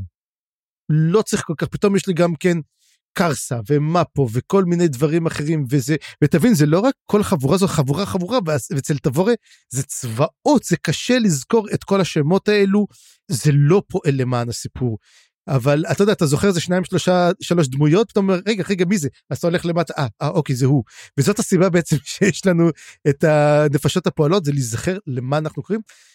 אני הייתי שמח אם יהיה קצת פחות, אני רוצה יותר, הרבה יותר לקרוא על אה, תבור נגד ליאומן, זה ללא ספק עלילה שהכי מושכת אותי. אה, פחות ה side quest, אבל זה, זה הטעם שלי. אני אסכם שמצד אחד אתה לדעתי צודק בביקורת שלך אבל אני אגיד שיחסית לספרים אחרים שהיה בסדרה זה החלק הראשון שהכי נהניתי ממנו נראה לי. ואני אומר לעצמי שיש לזה פוטנציאל להיות כנראה הספר האהוב עליי איך שזה ה buildup וה setup שיש פה. אני ממש מרותק מהכל אני מרגיש שאני באלמנט שלי כשאני באתי. זה לא כמו הספר החמישי שהוא ממש and now for something completely different כן? יש פה משהו יש פה מלאזן יש פה הכל יש פה כל מה שאני אוהב כל הדמויות שאני אוהב מתחילות לצוץ. אבל אני לא יודע לאיפה הוא לוקח את זה ויש פה כזה זה ובדרך כלל לוקח לי אני מתחיל ליהנות מספר בחלק השני. אז אני מקווה זה שהתחלתי ליהנות ממנו כבר בספר הראשון בחלק הראשון זה אחלה אני מקווה שהחלק השני לא יאכזב גם ואני רוצה מאוד לראות לאן כל זה הולך אבל זה באותה מידה יכול להיות גם משהו מוזר ולא לא יודע בינתיים אני ממש נהנה.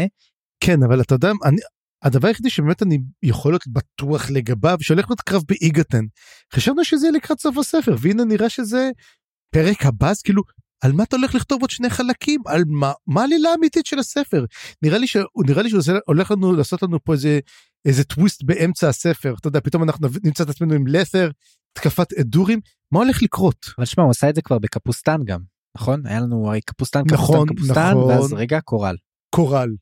אז מה הולך לקרות פה מה אתה חושב. אחרי איגתן לאיפה אנחנו הולכים. סטורם וול. אבל אין קשר יבשת 아, אה, אחרת. 아, אה, או אדורים. וואו.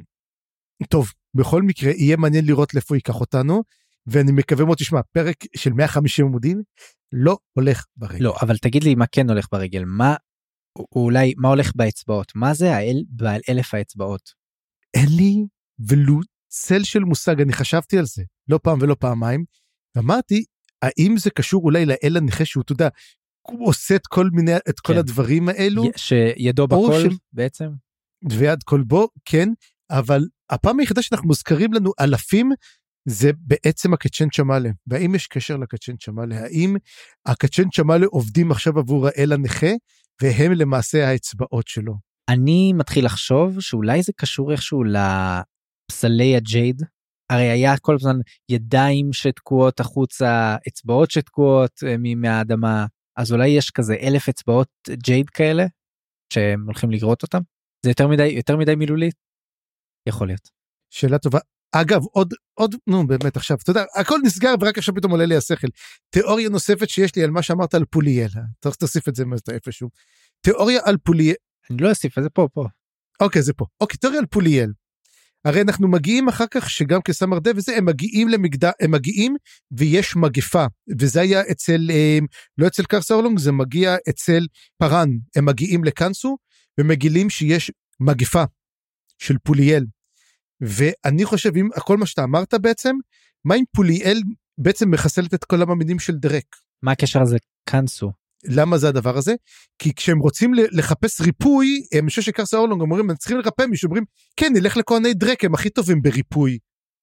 מישהו פה מחסל את דרק כדי לגרום למגפה ענקית. ואני חושב שפוליאל עושה את זה. פוליאל בעצם הורגת את כולם, או שולחת, או שהאל הנכה שלח מישהו לשחוט אותם, כדי, כי המטרה בעצם להתחיל פה מגפה. ואני חושב שזאת אחת העלילות שאנחנו נראה אותם כן. כי תשים לב איך הוא מתחיל את זה לאט. אולי היא האל בעל אלף האצבעות. אולי היא. וכל אחת מהאצבע הזאת זה בעצם חולה. שהיא שולחת בכל שבע ערים. ואוי ואבוי לנו אז. טוב, תשמע, המון מה לחשוב עליו. ובנימה אופטימית זאת. כן, בנימה אופטימית זאת, נגיד שזהו לעת עתה. בפעם הבאה נקרא את פרק 7 ונתחיל את מתחת לשם הזה, החלק השני בספר ציידי עצמות, הספר השישי בסדרה. אני חיים גורוב גלברט. אני צפרי גרוסמן. תוכלו ליצור איתנו קשר בפייסבוק ולהצטרף לערוץ הדיסקורד החדש שלנו, שבו יש צ'אטים ודיונים, ממים ושטויות, הקלטות לייב של הפודקאסט ועוד מלא דברים שווים. אז בואו. עריכה וסאונד חיים גורוב גלברט.